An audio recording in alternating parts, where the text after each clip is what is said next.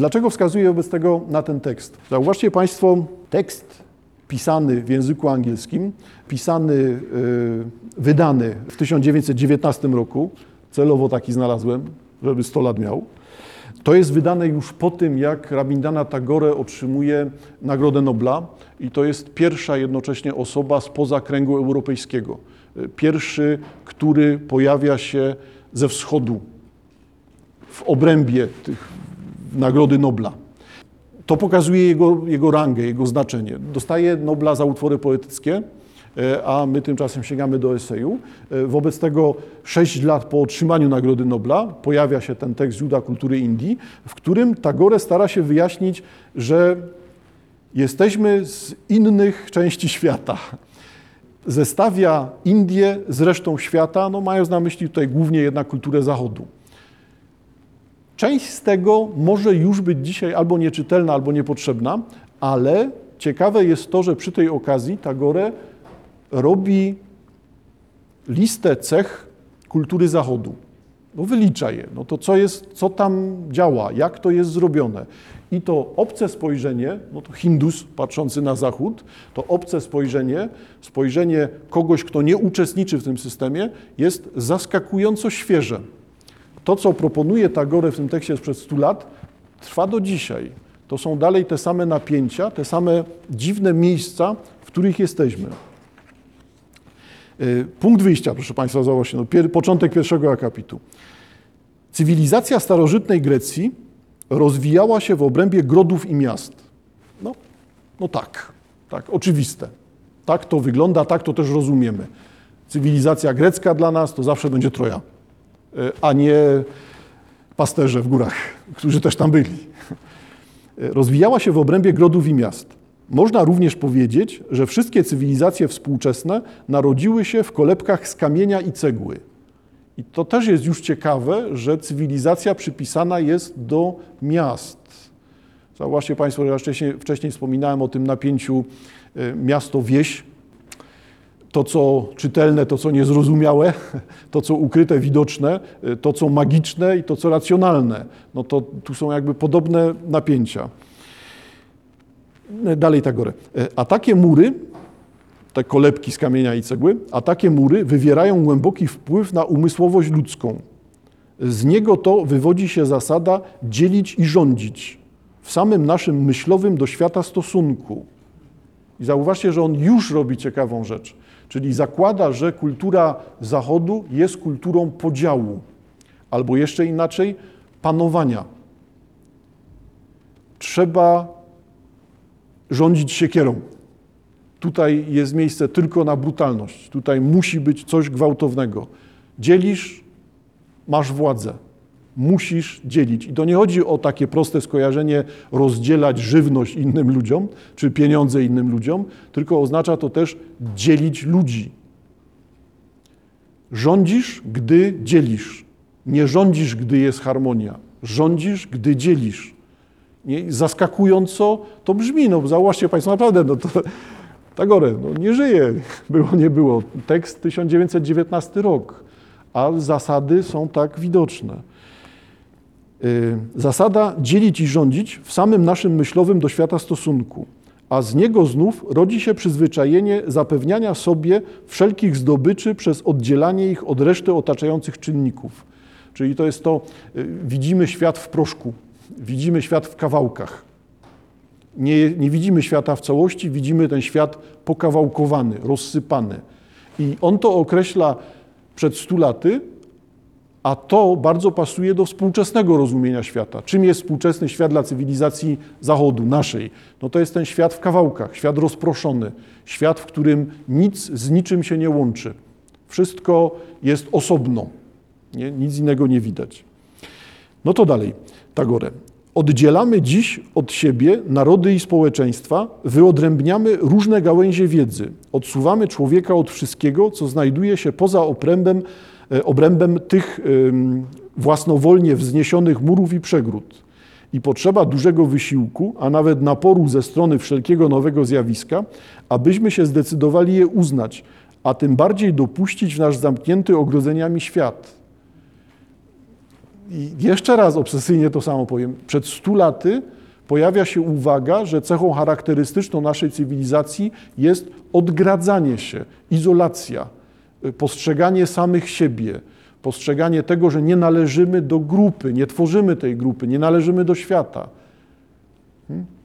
Y, patrzy na to człowiek z zewnątrz, z innego systemu i druga, nie, nie przeczytam całej książki teraz, wobec tego ten drugi sposób myślenia, drugi wątek, który się pojawia u Tagorego, jest z kolei definicją indyjskości. I ta indyjskość jest rozumiana jako przeciwieństwo.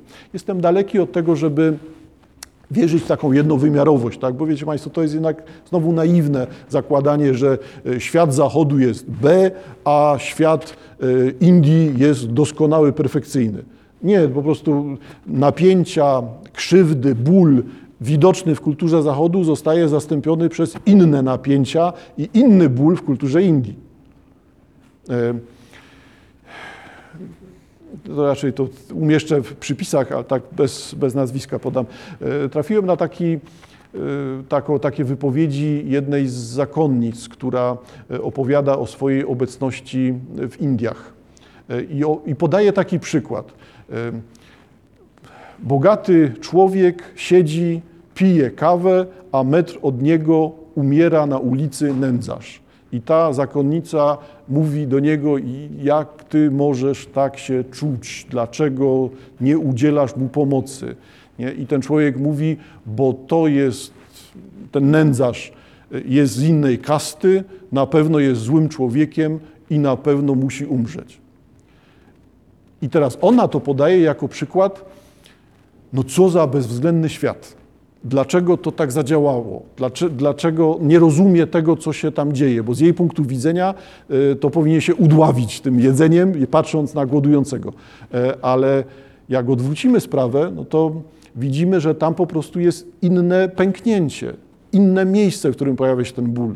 Czyli mamy y, przykład y, tego, że w systemie indyjskim ingerencja pomoc udzielona temu człowiekowi jest jego, dla niego krzywdą. Gdy pomożemy takiemu człowiekowi, no to pomożemy mu na krótką metę, ale on nie przechodzi dalej, on się nie uwalnia z tego. Jest całkowicie inny system wartości i teraz Hindusi mogą mówić o nas, Zachód jest brzydki, Zachód jest pełen bólu, ale nie, nie widzą swoich podziałów. My z kolei widzimy ich podziały, ich powiedzmy obojętność e, wobec e, krzywdy drugiego człowieka, e, ale nie widzimy własnych. Stąd ciekawą rzeczą jest właśnie tego typu zderzenie, nie? że Hindus mówi o Zachodzie, ale proszę pamiętać, nie wierzmy mu na 100%, nie, nie uprawiajmy wypraw mistycznych do Indii, bo tam jest raj na ziemi. Nie, nie, nie jest. Nie? Także tutaj ciekawe jest to, co jest o Zachodzie, ciekawe jest to, co jest o Indiach, ale, ale nie, nie, nie bądźmy czytelnikami nawiedzonymi, że się rzucimy na to. Y, o Indiach, Tagore. Nie jest zgoła prawdą, że India starała się ingerować różnice wartości rozmaitych odrębnych rzeczy. Wszak wiedziała dobrze, że uczyniłoby to życie niemożliwym. Wyższość człowieka na wielkiej drabinie stworzenia nigdy nie uszła jej uwagi, ale miała ona swe własne, swoiste pojęcia o tym, na czym ta wyższość polega uważała zawsze, że nie na rządzy posiadania i zdobywania, ale na zdolności i umiejętności jednoczenia się. To też jako miejsca pielgrzymek wybierała zawsze specjalne ustronia, uderzające jakąś niezwykłą wielkością, majestatem i pięknem przyrody, by mogły one wpływać na psychikę jej synów, odrywając ich myśli od ciasnoty codziennych potrzeb, a unosząc wyżej, budzić uczucie swej przynależności do nieskończonego życia. Dlatego też w Indii cały naród, który był ongiś mięsożerny, odrzucił ten zwyczaj, aby wyrabiać w sobie czucie wespół z wszelkim żywym stworzeniem, co jest chyba jedynym tego rodzaju wypadkiem w dziejach ludzkości. Tak, ciekawe, interesujące. Dla mnie ciekawe nie dlatego, że się teraz pod tym podpisuję, nie jestem wegetarianinem, znaczy no, może kiedyś będę, ale na razie nie sądzę. Rozumiem to natomiast, że to sformułowanie odnosi się do tęsknoty współczesności, a ta tęsknota współczesności jest właśnie taka: coś tu z tym mięsem nam nie leży. Zauważcie Państwo znowu tą powszechność wegetarianizmu w Polsce. Wegetarianizmu, weganizmu, tych odmian takich właśnie e, sposobów żywienia się, które będą mięso odrzucać. Nie odrzucają przecież tego mięsa dlatego, że ktoś przeczytał Tagorego albo że staje się Hindusem. E, interesujący jest motor. Motor, który polega na tym, może to jest pragnienie połączenia ze światem, może odpowiedzialność za ten świat, może to jest ten kontekst ekologiczny, może to jest język mistyki, takiej zróbmy coś, co jest jakimś rodzajem ascezy, nie pada tutaj to słowo, e, ascezy typowej dla Indii i ascezy, w której współczesny człowiek Zachodu też stara się coś odnaleźć. To są wszystkie te filozofie minimalizmu. Może Państwo trafiliście, te takie powszechnie już występujące założenia, no powszechnie dużo powiedziane, tak, no, na coraz większą skalę. Występujące założenia, te nie, nie posiadajmy więcej niż siedem rzeczy, jak masz więcej, to i tak z tego nie korzystasz. Tak? Ogranicz swoje potrzeby. No to, to wszystko mieści się w obrębie minimalizmu. Więc brzmi to podobnie do czegoś, co ma tą tysiącletnią tradycję w kulturze indyjskiej. W Indii wiedzieliśmy, że gdy oddzielimy się usilnie i sztucznie przy pomocy fizycznych czy myślowych przegródek od przeogromnego morza przyrody, gdy zostajemy przez to tylko oddzielnym człowiekiem, a nie człowiekiem w jedności z wszechżyciem, stwarzamy nierozwiązalne zagadnienia. Dużo naraz. No ale dalej to jest, dalej, e, dalej mamy do czynienia z opowieścią o tych podziałach o tym, że trzeba dążyć do jedności, a nie oddzielać się, nie odcinać się od czegoś. A odcinając się od źródła, które daje proste ich wyjaśnienie, próbujemy stosować różne sztuczne metody, z których każda wiedzie w nowe, a niezliczone trudności i ślepe uliczki. To jest znowu ten kierunek Ogranicz potrzeby, wycofaj się, nie uczestnicz w cywilizacji, zderz się bezpośrednio ze światem. To jest to, co Państwo widzieliście chociażby w postaci Mahatmy Gandiego. Chodzisz w jednym doti, tym takim prześcieradle indyjskim, nic więcej nie jest potrzebne. Nie? Ten system ograniczania e, potrzeb służy temu, żeby być jak najbliżej światu, tego myślenia, tego odkrycia pełni, całości. No, interesujące. E, gdy człowiek opuszcza swe właściwe miejsce w powszechności przyrody, to są te napięcia, które, o których przed chwilą mówiliśmy, że ta budowla e, nowoczesna przy Kościele Świętego Jacka to jest rodzaj ekologicznych wezwań, czy to jest rodzaj doświadczania tego odcięcia, odłączenia od przyrody.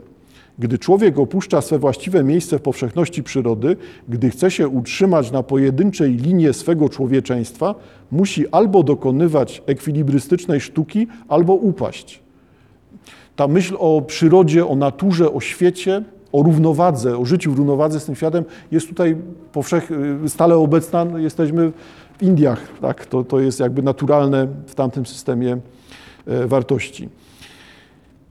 Czyli albo ekwilibrystyka, albo upadek. Jest to bowiem stan nieustannego napięcia każdego nerwu i muskułu tej istoty, aby za każdym krokiem utrzymać równowagę. To też w chwilach swego znużenia piorunuje na opatrzność i znajduje pewne zadowolenie w dumnym, choć utajonym przekonaniu, że otaczający świat nie jest dla niego sprawiedliwy.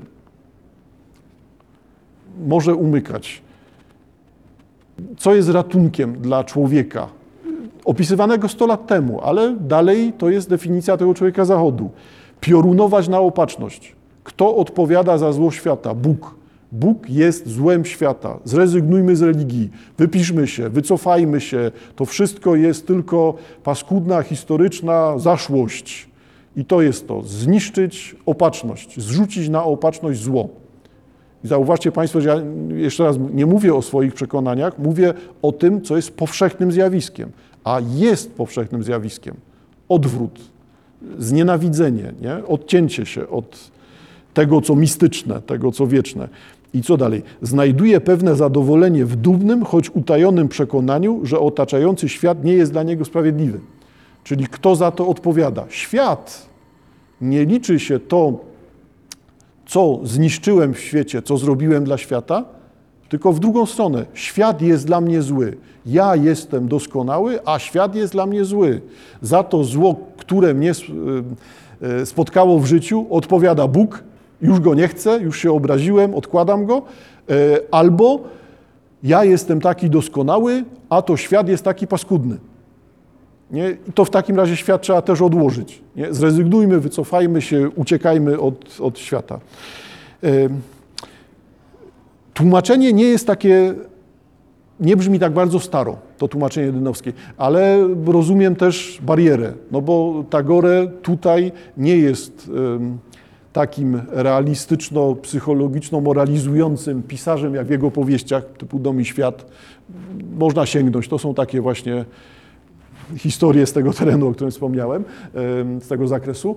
E, Tutaj mamy do czynienia z taką jednak próbą filozofowania. Nie? I rzeczywiście e, wymaga to no, pewnego rodzaju zmuszenia się do tego, żeby nadążać za tym, szczególnie te konstrukcje zdań tak bardzo wielokrotnie złożone nie?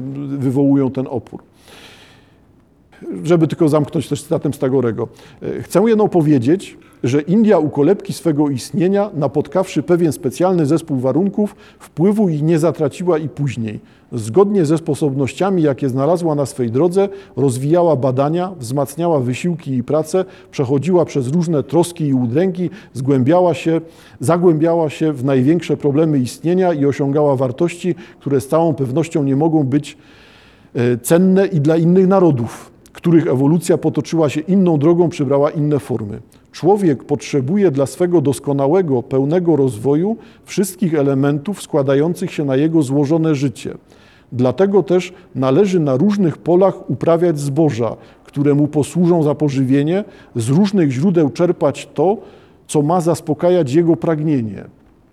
Cywilizacja jest rodzajem wzoru, jaki każdy naród dla siebie wyrabia, by kształtować swój lud wedle właściwego mu, a najlepszego dla niego ideału. Wszelkie jego instytucje, jego prawodawstwa, jego sprawdziany moralne, czyli to, co potępia, a co aprobuje, jego świadome lub nieświadome formułowania przekazywanych nauk zmierzają do tego samego celu. Współczesna cywilizacja Zachodu przy pomocy wszystkich swoich zorganizowanych wysiłków stara się wyrobić ludzi doskonałych fizycznej, intelektualnej i moralnej sprawności, a wydajnych w pracy. Wielostronne energie narodów są tam kierowane ku rozszerzaniu władzy człowieka nad jego środowiskiem. Ludzie łączą swe wysiłki, wytężają swe zdolności, by wyzyskać i zużyć dla siebie wszystko, co da się pochwycić i przywłaszczyć, by przezwyciężyć wszelką napotkaną na tej drodze przeszkodę. Ćwiczą się i trenują wciąż w walce z przyrodą i innymi rasami ludzkości. Uzbrojenia ich stają się z dniem każdym potężniejsze i bardziej zadziwiające. 100 lat temu, tak? Bardziej zadziwiające. Ich maszyny, środki wytwórczości, jak i zdobywania władzy oraz wszelkiego rodzaju zrzeszenia i organizacje skierowane ku tym samym celom mnożą się w niesłychanym tempie. Jest to istotnie wspaniałe dokonanie, imponujący przejaw władczości człowieka, nie cofającej się przed żadną przeszkodą, z jednym celem zdobycia i utrzymania z tej władzy. Czyli rozumiemy, że to jest ocena negatywna, bo to jest to dzieli rządź, nie? podporządkuj świat, zniszcz świat, po nim rządzisz. No to proszę Państwa, rzeczywiście objętościowo nie jest to duża książeczka, tak jak wspominałem, 40 stron, e, ale na każdej stronie jest tak gęsto. Nie? I najlepsze jest to, że to jest tak, mm, tak aktualne. Owszem, językowo może trudne, językowo e, może trzeba poświęcić na troszkę więcej czasu czy uwagi, ale to, co tutaj jest zawarte, no to jest tak, jakbyśmy czytali komentarz do współczesności. Nie? 100 lat mija, a my tkwimy w tym samym miejscu. Hm. Ciekawe. Następne spotkanie wracamy do Europy.